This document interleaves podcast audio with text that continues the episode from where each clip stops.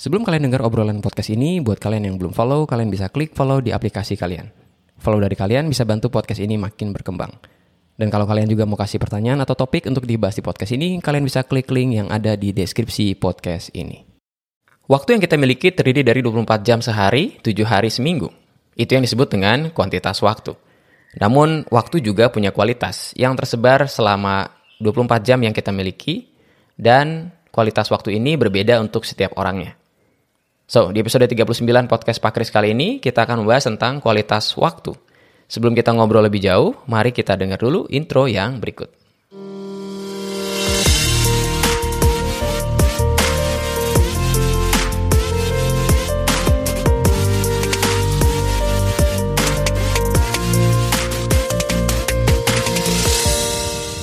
Halo semua, semoga kalian dalam keadaan baik, sehat, dan tetap semangat ya. Kembali lagi di Podcast Pak Kris. Podcast Pak Kris adalah podcast yang ngobrolin topik-topik yang bisa meningkatkan potensi yang kita punya. Nah, ngomong-ngomong soal potensi nih ya, sebelum kita ngobrolin hal yang utama dari podcast kali ini, yaitu tentang uh, kualitas waktu, tiap-tiap orang gue percaya punya potensi ya. Potensi itu awalnya kecil lah ya, Kayak gue punya potensi buat ngajar, bikin bahan ajar, kemudian buat ngomong di depan orang. Dan potensi tersebut nggak akan jadi apa-apa kalau kita nggak taruh proses di situ. Percuma kalau gue nggak mengasah um, cara atau teknik ngajar gue.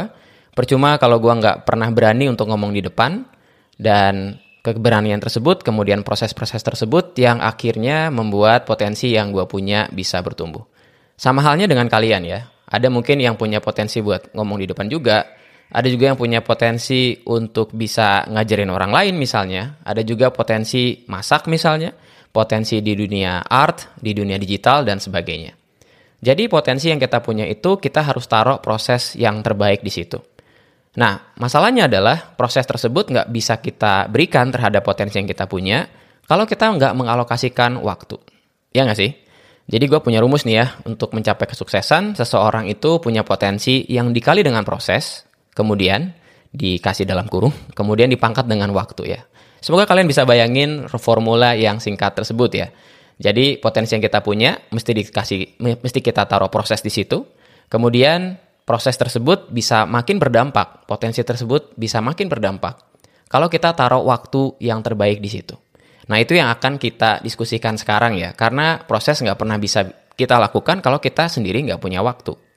Kalian punya punya punya punya potensi apa pun harus dikasih proses. Tapi kalau nggak ada waktu untuk belajar nggak ada waktu buat berlatih nggak ada waktu buat uh, mengembangkan potensi atau proses yang kalian miliki maka itu percuma. Itu yang akan jadi pokok bahasan utama pada podcast episode kali ini. Nah waktu yang tadi kita obrolin di mana bisa kita alokasikan untuk memproses diri kita sendiri itu terdiri dari kuantitas dan kualitas. Sebagai contoh nih kita bisa mengalokasikan waktu 2 jam untuk ngerjain sesuatu.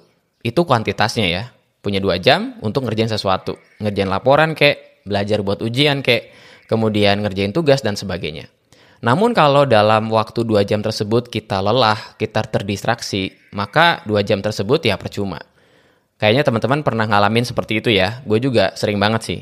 Gue punya waktu yang cukup banyak, tapi karena kondisi badan lagi nggak baik, kurang istirahat, Kemudian ternyata setelah gue belajar bahwa waktu punya kualitas, gue mengalokasikan dua jam tersebut untuk melakukan aktivitas dengan konsentrasi tertinggi pada waktu yang salah gitu kan. Nah itu yang akan kita diskusikan sekarang ya teman-teman ya. Kita boleh punya kuantitas waktu, tapi apakah kualitasnya itu bisa bawa dampak terbaik dalam kehidupan kita? Jadi kita akan membahas itu. Oke, okay? so mari kita belajar satu-satu nih ya. Kuantitas itu sesuai dengan namanya nih ya, namanya kuantitas atau quantity. Itu adalah jumlah jamnya, jumlah menitnya atau jumlah detiknya lah ya. Kita bisa konversi mana pun.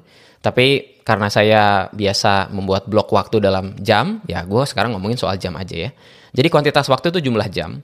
Sementara kualitas waktu adalah tingkat konsentrasi yang kita miliki. E, kondisi fisik kita dan kondisi mental kita ya.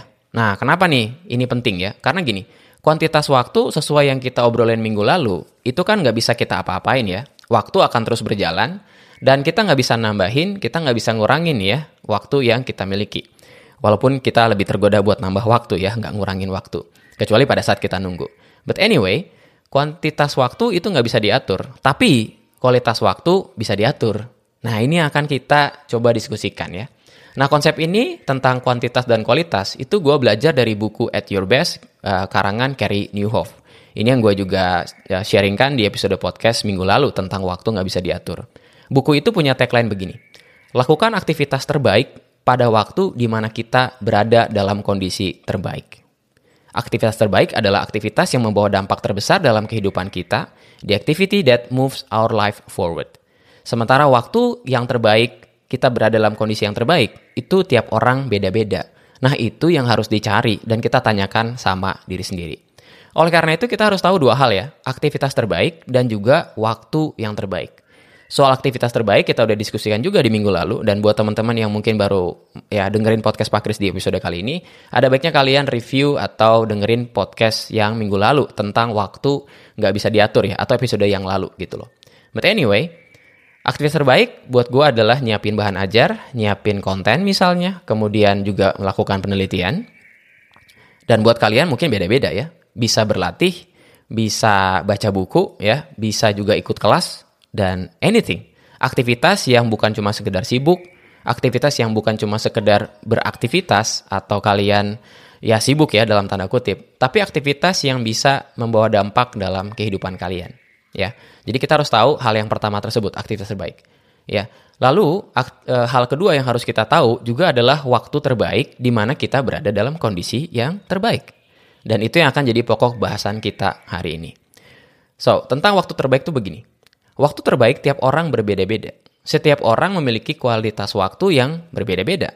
Ada waktu-waktu tertentu dalam satu hari yang kita miliki di mana kita berada dalam kondisi terbaik.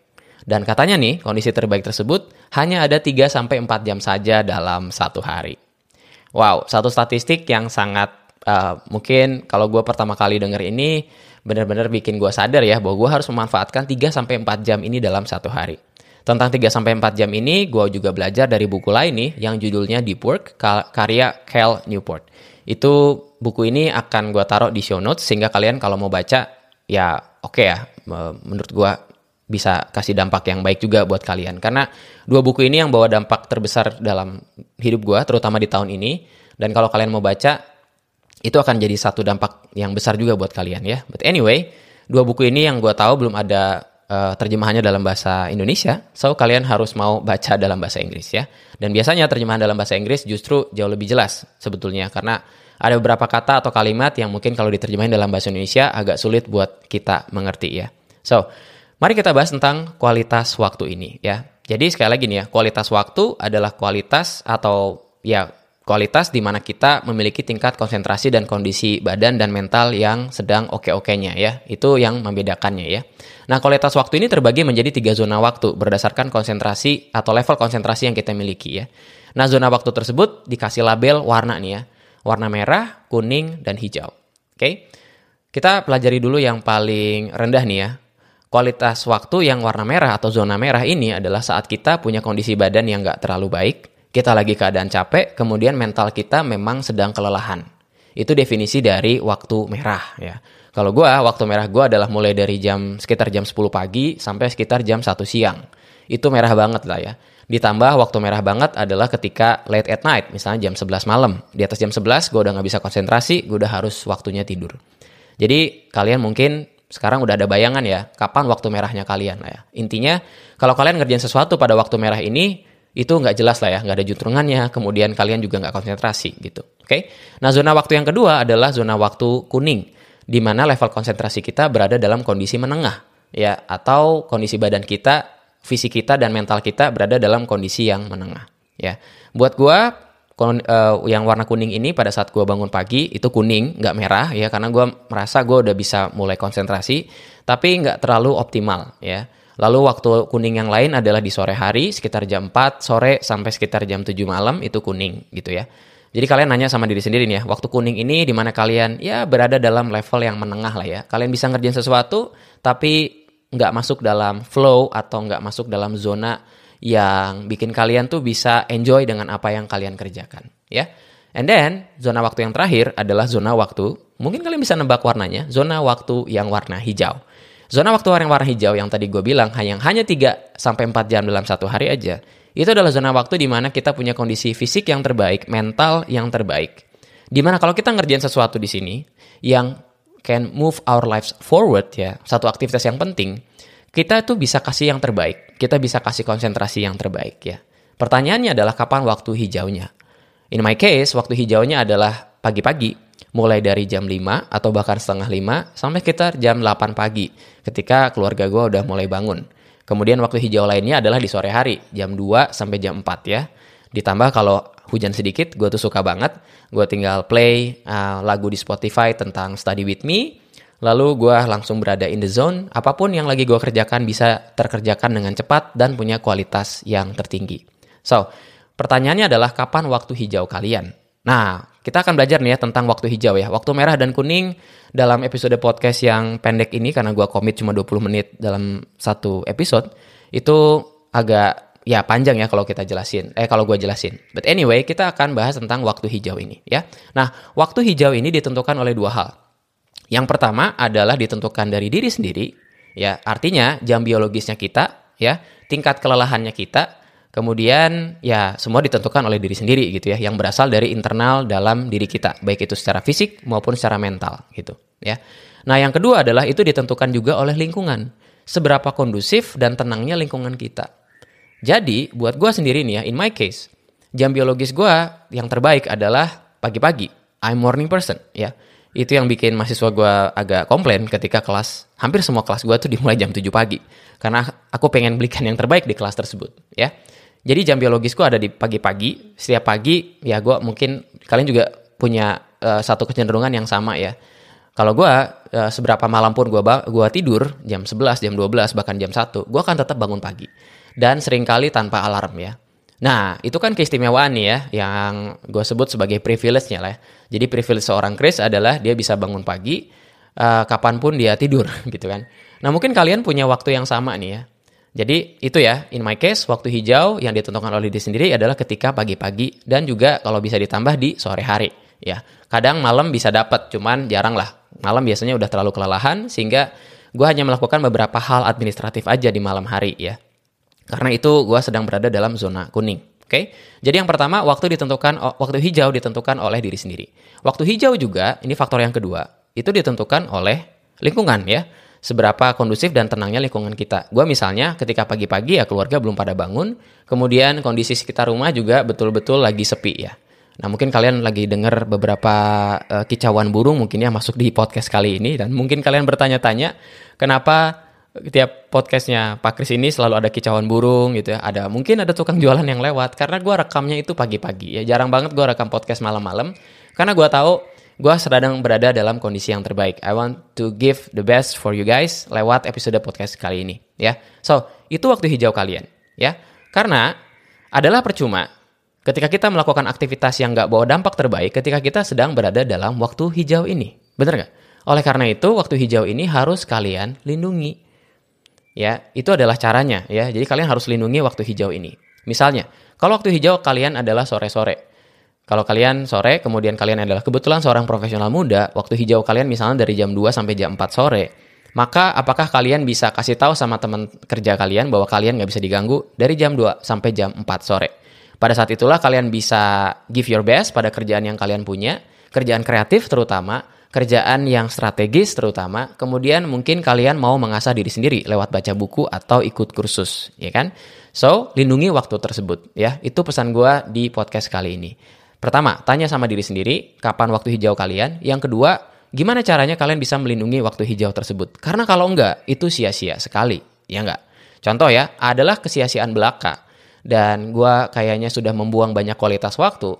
Kalau pagi-pagi gue bangun kemudian melakukan aktivitas yang gak jelas juntrungannya, misalnya sosmed kelamaan dan beberapa beberapa bulan yang lalu gue sempat mengalami ketika gue merasa kok hari gue berlalu begitu aja ya.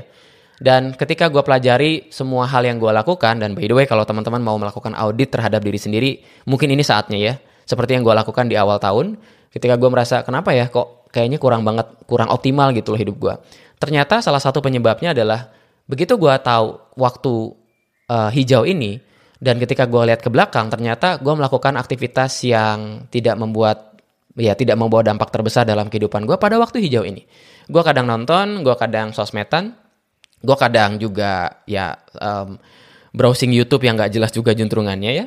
Akhirnya bikin gue merasa sia-sia. Lalu, kesalahan kedua yang gue lakukan adalah pada saat gue berada dalam zona merah atau zona kuning, justru gue sedang melakukan aktivitas yang membawa dampak terbesar tersebut ya. Mungkin teman-teman dapetin gambarannya ya, dan mungkin teman-teman melakukan kesalahan yang sama. Dan hopefully uh, episode podcast kali ini bisa kasih wawasan sama teman-teman, udah mulai bisa mengubah kebiasaan atau mengubah bagaimana teman-teman menjalani hari. Ya, sebagai contoh nih, waktu merah gue adalah sekitar jam 10 sampai jam 1. Kemudian karena gue terburu-buru untuk nyiapin kuliah misalnya atau untuk nyiapin kelas, gue nyiapin kelas di waktu tersebut. Yang terjadi adalah gue kelelahan, waktu juga jadi terbuang dalam tanda kutip terbuang percuma. Ya padahal waktu tuh nggak bisa dibuang sebenarnya. Waktu itu terlewat begitu saja gitu loh. Waktu terbuang terjadi pada saat kita tidak menaruh aktivitas yang benar pada slot waktu tersebut. Kan gitu ya?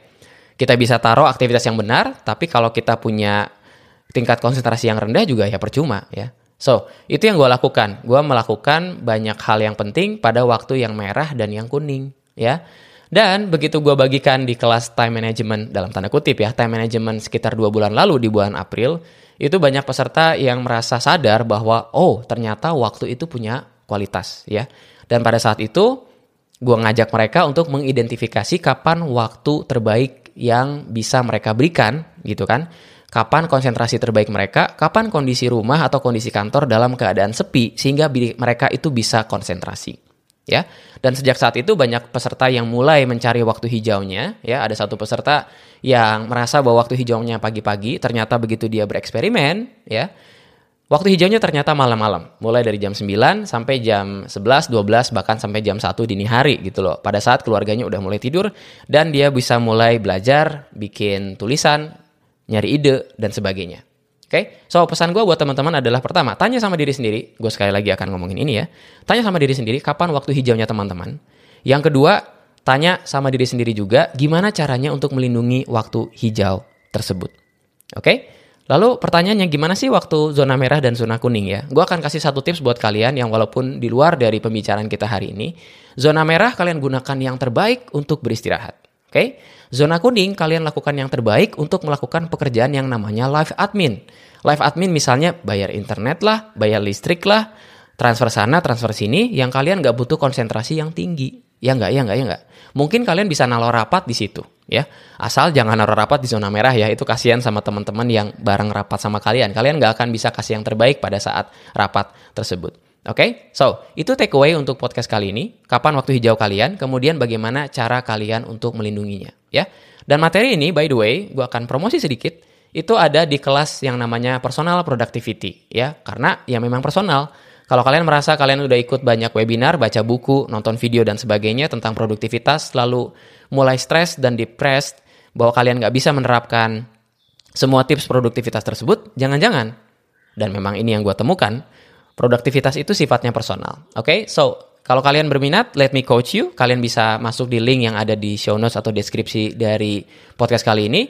Ada satu kelas private, 1 sampai 3 orang. Kalian bisa ngajak teman kalian dengan harga yang lebih murah untuk ikut personal kelas personal productivity ini. Kelas personal productivity-nya bukan cuma kelas doang, tapi ada coaching juga selama satu bulan penuh.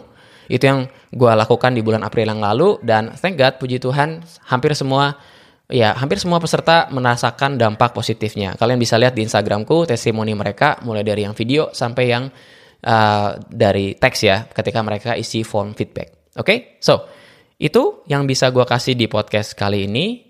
Semoga kalian bisa memanfaatkan waktu hijau kalian. Sebelum kalian bisa manfaatkan, tentunya kalian harus tahu kapan waktu hijau kalian. Ya, begitu kalian bisa manfaatkan waktu hijau kalian, semoga kalian mendapatkan manfaat yang gue rasakan sepanjang awal tahun ini mulai dari bulan Januari sampai sekarang bulan eh, sampai pertengahan tahun ya di bulan Juni ini di mana gue merasakan bahwa produktivitas gue begitu gue ngerti konsep ini itu meningkat secara signifikan. So, itu yang bisa gue kasih di podcast kali ini. Kita akan lanjutin ke diskusi di podcast selanjutnya, yaitu tentang time eater. Time eater adalah semua aktivitas yang gak membawa dampak yang terbaik dalam hidup kita, tapi asik untuk kita lakukan. Oke, kalau kalian mau dengar lebih lanjut, jangan lupa selalu stay tune di podcast Pak Kris yang hadir setiap Kamis di jam 7 pagi. Oke, take care dan sehat-sehat ya semua. Bye-bye. Kalau kalian dapat value atau manfaat dari podcast ini dan ingin say thank you, kalian bisa support podcast ini dengan mentraktir Pak Kris dengan klik link yang ada di deskripsi podcast ini. Terakhiran kalian akan sangat berarti untuk podcast ini tetap running dan bantu orang-orang untuk stay productive. I'll see you guys later dan stay productive.